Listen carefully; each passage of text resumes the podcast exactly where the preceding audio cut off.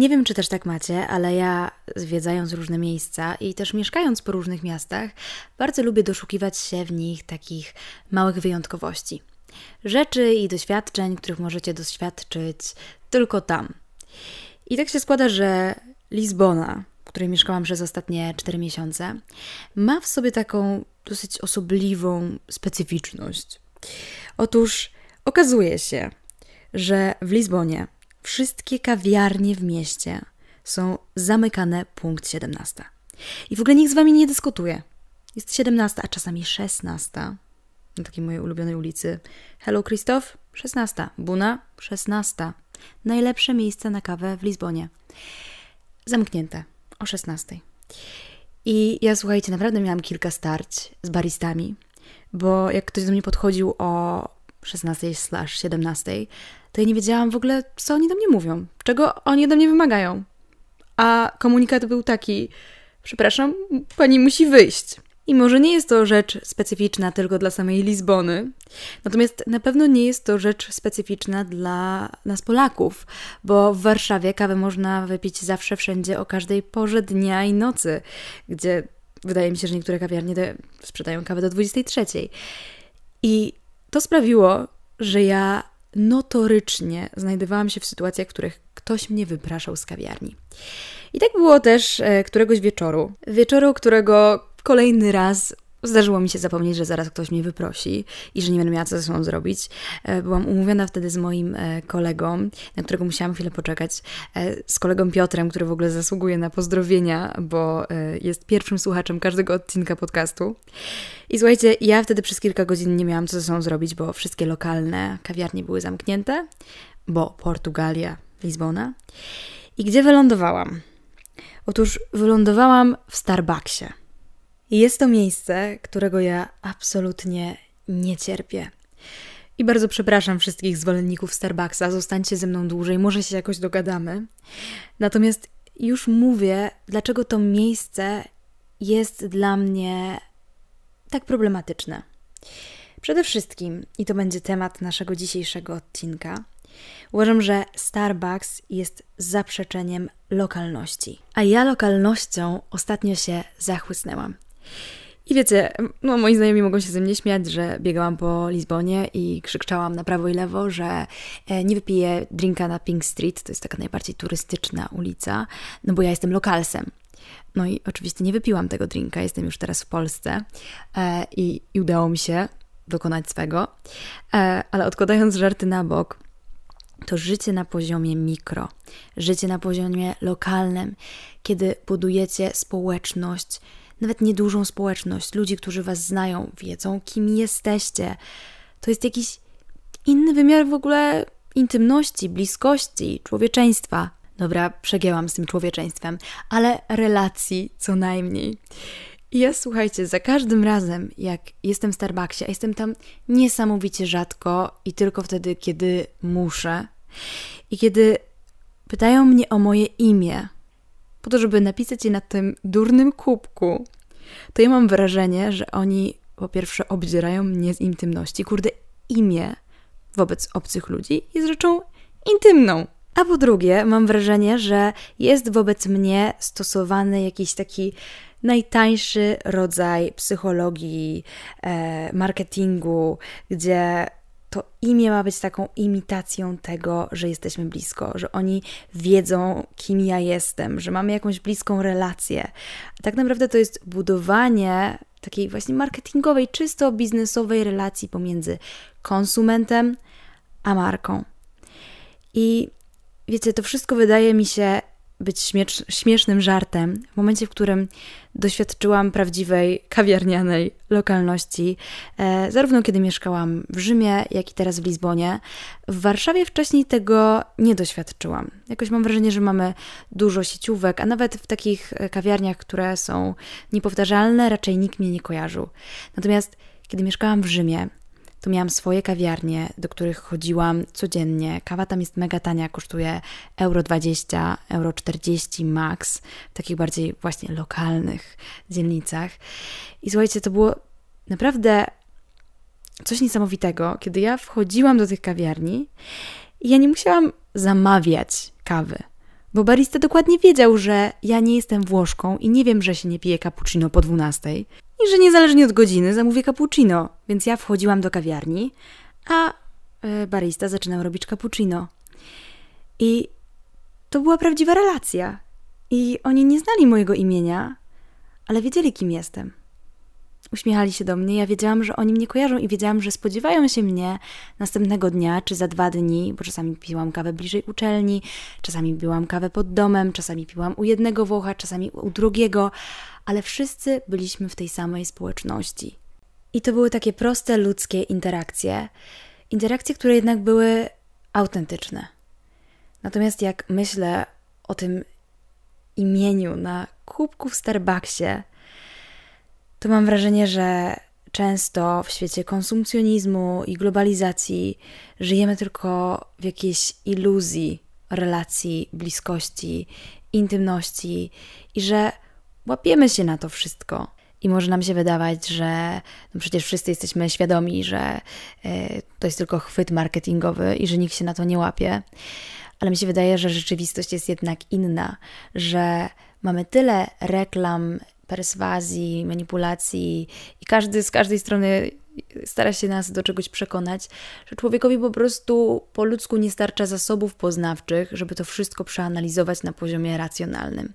I potem łykamy te iluzje. Ja wiem, że ja je łykam e, i często łapię się na tym, że no właśnie mm, nie zauważyłam czegoś, jakiegoś mechanizmu. Mm, I przygotowując się do tego odcinka, zdałam sobie sprawę z tego, że całe social media działają na podobnych mechanizmach co Starbucks. Bo zobaczcie, tak jak imię na kubku w Starbucksie jest jakąś iluzją relacji, to tak samo w social mediach znacie moje imię, znacie moje nazwisko i może nam się wydawać, że się znamy, ale tak nie jest. Po prostu tak nie jest i ja chciałabym, żeby było inaczej. Chciałabym, żeby Starbucks nie robił marketingu i żeby tam naprawdę chodziło o relacje.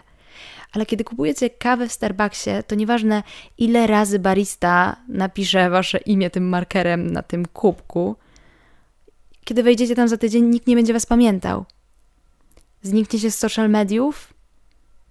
Będzie tak samo. I chciałabym, żeby internet naprawdę spajał ludzi i żeby budował prawdziwe społeczności. Ale prawda jest taka, że moje prawdziwe relacje dzieją się poza internetem. I że ja używam internetu trochę w innych, w innym celu. I że nigdy nie byłam dobra w odpisywanie yy, na wiadomości w DM-ach, nigdy nie byłam dobra chyba w budowanie takiej, wiecie, mega zaangażowanej yy, społeczności, bo nigdy nie chciałam nikogo zmuszać do pisania komentarzy. Jakby czasem was o to proszę, bo próbuję się w tym wszystkim odnaleźć, ale w ogóle to nie jest, to nie jestem ja. I stąd też się wziął podcast. Mm, stąd się wziął pierwszy odcinek o bezcielesności i o dystansowaniu się od tego wszystkiego, bo to, co odkrywam ostatnio w życiu, i to będą banały, ale naprawdę człowiek w dorosłości, czy w młodej dorosłości, w której ja jestem teraz, do, chyba dojrzewa do tego, żeby przyznać, że wszystkie banały to prawda.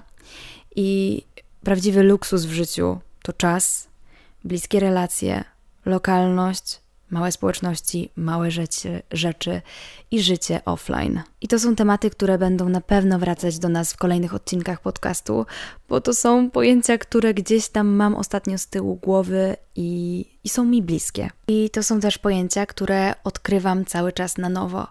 I właśnie lokalność była czymś, co dane mi było odkrywać we wszystkich miastach, w których e, ostatnio żyłam. I co ciekawe, zawsze w tej lokalności był aspekt ludzki.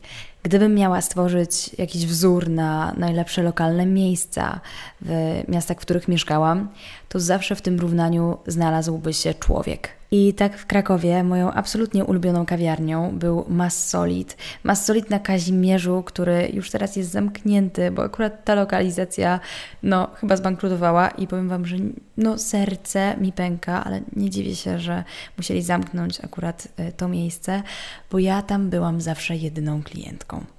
No przysięgam, tam byłam ja, była dziewczyna, która robiła kawę i był Nietzsche, Schopenhauer, e, i inni autorzy, którzy y, siedzieli z nami w postaci książek na opasłych półkach, bo to był Massolic z absolutnie najlepszą selekcją książek w najpiękniejszych okładkach.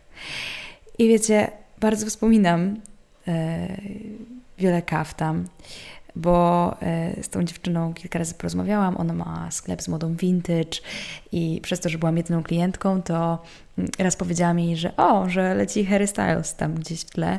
I ona jakoś to tak podłapała, że potem puszczała wszystkie jego płyty po kolei, tylko dla mnie. I to był jakiś taki magiczny, mały, lokalny moment, który był tylko pomiędzy mną a tą obcą dziewczyną. Tu nawet nie mówimy o głębokich relacjach, mówimy o takich pozytywnych, prostych interakcjach pomiędzy dwojgiem ludzi. I tak samo miałam w Rzymie, kiedy e, po pandemii bardzo chciałam zobaczyć e, bibliotekę, bo to jest moja w ogóle kolejna miłość, zaraz po kawiarniach, biblioteki. I bardzo chciałam zobaczyć e, jedną z bibliotek, to była biblioteka Angelika, która jak się okazało jest, była zamknięta po pandemii i nie można było jej zwiedzać. E, no ale ja wiedziałam, że e, jestem tam na Erasmusie i że zaraz wracam, więc zagadałam do portiera i zapytałam się, czy no nie mógłby mnie na chwilkę wpuścić. I słuchajcie, ten gość wpuścił mnie do windy i ja byłam jedyną osobą, która y, oglądała największą salę w tej bibliotece. To był moment naprawdę absolutnie dla mnie magiczny. Ta biblioteka była przepiękna. W życiu nie widziałam tak pięknej biblioteki. A jeszcze to, że ten pan stał i zachwycał się tym, jak bardzo ja się zachwycałam. To był też kolejny piękny, lokalny moment z drugim człowiekiem, absolutnie obcym człowiekiem, człowiekiem, którego nigdy nie spotkam, człowiekiem, który prawdopodobnie już mnie teraz nawet nie pamięta. Ale to jest właśnie ta lokalność i intymność, której ja w życiu szukam, gdzie naprawdę można mieć intymne momenty z absolutnie obcymi ludźmi. I można szukać miejsc, które są autentyczne, bo są pod jakimś względem wyjątkowe, bo ludzie, którzy tam są, sprawiają, że te miejsca są wyjątkowe. I wiecie, gdzie tego nie ma? Mhm, w Starbucksie. Nie, absolutnie. Słuchajcie, mam nadzieję, że mnie Starbucks nie pozwie e, za ten dzisiejszy odcinek. E, tutaj chciałabym podkreślić, że Starbucks jest absolutnie metaforą dzisiaj. Jeżeli macie ciepłe wspomnienia z tym miejscem, to ja się dla Was absolutnie cieszę. Natomiast ja, kiedy ostatnio właśnie siedziałam, czekając na kolegę w Starbucksie w Lizbonie na stacji Rossio, to po pierwsze byłam urażona tym, że e, dałam, oddałam im swoje imię, żeby mogli napisać je na tym kubku, a po drugie Byłam zadziwiona tym, jak bardzo jest to miejsce z jednej strony wyprute z jakiejkolwiek wyjątkowości, autentyczności. To całe miejsce wydawało mi się z jednej strony obłe i takie nijakie, miałkie, a z drugiej strony właśnie bardzo takie konkretne, ustrukturalizowane, wręcz nieludzkie, w, ubrane w protokoły. I tutaj dochodzimy do momentu, w którym znowu w podcaście będę cytowała Froma, e, który absolutnie zasługuje na to, żeby być wielokrotnie cytowany. I From powiedział takie bardzo ważne zdanie, które też gdzieś e, mam z tyłu głowy już od dawna, że dzisiejsza współczesna kultura proponuje nam jednolitość. I tą jednolitość widać w Starbucksie i w każdej innej sieciówce na każdym kroku, gdzie wchodzicie i nie jesteście traktowani jak człowiek, a jako konsument, ale na każdym kroku wszyscy udają, że jesteście traktowani absolutnie wyjątkowo. I a tak naprawdę każdy ma być niczym robot obsłużony w takim samym standardzie, według tego prof, e, protokołu, pod tym regulaminem. I tą jednolitość widać serio na każdym kroku. I może się wydawać, że e, jednakowość jest jednocząca, że jak wszyscy mamy tak samo, e, to jest sprawiedliwie. Ale tak naprawdę ona jest alienująca, bo człowiek jest stworzony do tego, żeby wyrażać swoją tożsamość, żeby wyrażać swoją odrębność. Anonimowość nie jest w ogóle ludzka. A my trochę e, w świecie, w którym żyjemy, w świecie globalnym, jesteśmy traktowani jako masa. I też zobaczcie, ile my mamy w życiu takich doświadczeń, które są, mają być sprawiedliwie, mają być takie same, mają być jednakowe. Sobie teraz myślę o tym, że yy, ja nie cierpię turystycznych miejsc. No unikam jak tylko mogę, unikam jak ognia i właśnie szukam tych takich, wiecie, wyjątkowych, mniejszych, lokalnych, autentycznych. Ale zobaczcie, jak kupujecie bilet wstępu na jakąkolwiek atrakcję, no to przecież Wy macie prawo do tego, żeby dostać dokładnie taki sam experience, jak każda inna osoba, która kupiła ten sam bilet. Więc jednolitość nie jest tylko koniecznością i konsekwencją, ale też standardem, którego sami wymagamy. I powiem Wam, że to jest coś, co dawno przestało mnie kręcić. I czasami sama siebie zadziwiam, jak bardzo unikam miejsc, w których płacę za taki sam experience. I na przykład, e, mieszkając w Rzymie, nie weszłam do Koloseum. Tak samo, będąc w Porto, nie weszłam do tej biblioteki, w której niby J.K. Rowling pisała Harry'ego Pottera, chociaż to tam, wiecie, nie wiadomo, e, bo po prostu tam były tłumy. I każdy kupował ten sam bilecik po to, żeby spojrzeć na te same miejsca i żeby być w tłumie innych ludzi. W ogóle mnie to nie kręci. Mieszkałam w Krakowie, nie weszłam na Wawel. Nie wypiłam drinka na Pink Street. I wiecie, można oczywiście nazwać to ignorancją. Ja absolutnie się nie obrażę. Być może. E, ale z drugiej strony jest coś w tym, że miejsca turystyczne mnie odrzucają. I jestem też wielką fanką Sherlocka Holmesa, e, bo jako mała dziewczynka oglądałam mm, bardzo dużo odcinków serialu z moim dziadkiem. To jest takie właśnie wspomnienie z dziadkiem, którego już ze mną nie ma. E, I, I to jest też postać, którą, z którą bardzo się zżyłam, Sherlock właśnie. E, kiedy w zeszłym roku byłam w Londynie, to namówiłam moją koleżankę. Musiałam ją, wiecie, w ogóle namawiać i pchać prawie na to Baker Street. I kiedy już znalazłyśmy to Baker Street, to ja słuchajcie, byłam tak zawiedziona, że w ogóle przepraszałam ją za to, że kazałam jej tam wejść. E, bo to było po prostu zbudowane muzeum absolutnie bez duszy i, i bez żadnego jakiegokolwiek doświadczenia, które byłoby jakkolwiek wyjątkowe. To było doświadczenie zaprojektowane dla mas. I wiecie, o masach bardzo dobrze i łatwo mówi się, kiedy mówimy o statystyce, e, kiedy mówimy o socjologii, ale człowiek ze swoją indywidualną historią chyba jednak średnio odnajduje się w tak dużej grupie ludzi, gdzie tak duże grupy są zawsze anonimowe. Anonimowość alienuje i tak naprawdę człowiek jest stworzony do życia w mniejszych społecznościach. I, I, są w ogóle jest multum teorii psychologicznych, których już Was y, nie, nie będę Was zanudzać dzisiaj, i psychologią ewolucyjną, tego na przykład, ile człowiek jest w stanie e, przetworzyć twarzy innych ludzi. Że kiedyś, e, kiedy żyliśmy w jaskini, to człowiek w ogóle nie miał dostępu do tylu nowych twarzy, a twarz ludzka jest bardzo takim intensywnym bodźcem dla naszego mózgu. A dzisiaj na social mediach, mnie na przykład to trochę przytłacza, kiedy scrolluję social media, no ja mam wrażenie, że tam jest tyle obcych ludzi i tyle twarzy, które ja muszę przyswoić, przeprocesować, że no, gdybym nie miała telefonu i dostępu do internetu, to po prostu ilość ludzi, których znam i jakoś tak wiecie, po prostu widziałam w swoim życiu, no zmniejszyłaby się diametralnie. I bardzo dużo w dzisiejszych czasach mówimy o samotności, mówimy o epidemii samotności, ale nie mówimy o tym dlatego, że nie ma wokół nas ludzi. Jakby większość z nas żyje w miastach, miasteczkach, żyjemy w tłumie, w grupie ludzi, a jednak e, tak mi się wydaje, że to było w portrecie Doriana Greya, e, tak kojarzę, możecie mnie poprawić gdzieś w komentarzach, że człowiek może być najbardziej samotny w tłumie ludzi. I kurczę, na tą naszą samotność i takie poczucie alienacji składa się tyle czynników, ale serio wydaje mi się, że jednym z nich jest właśnie zanik lokalności. Lokalności, która jest tak prosto i banalnie ludzka, która przybliża do siebie obcych ludzi, którzy widzą się codziennie, są dla siebie życzliwi. I wiecie, to, z czym my mamy do czynienia w codzienności, to jest taka pusta bliskość. Bliskość udawana na potrzeby marketingu. Bo widzicie, kiedyś ludzie naprawdę żyli w małych, lokalnych społecznościach, gdzie wszyscy się znali, każdy wiedział wszystko o wszystkich i to były naprawdę autentyczne, bliskie relacje pomiędzy ludźmi. Nawet jeżeli się tam połowa wsi nie lubiła z drugą połową wsi, to ci ludzie się po prostu znali. A to, z czym zmaga się nasze pokolenie, i no nie tylko nasze pokolenie, bo nasi rodzice też, to to, że my mamy relacje z markami.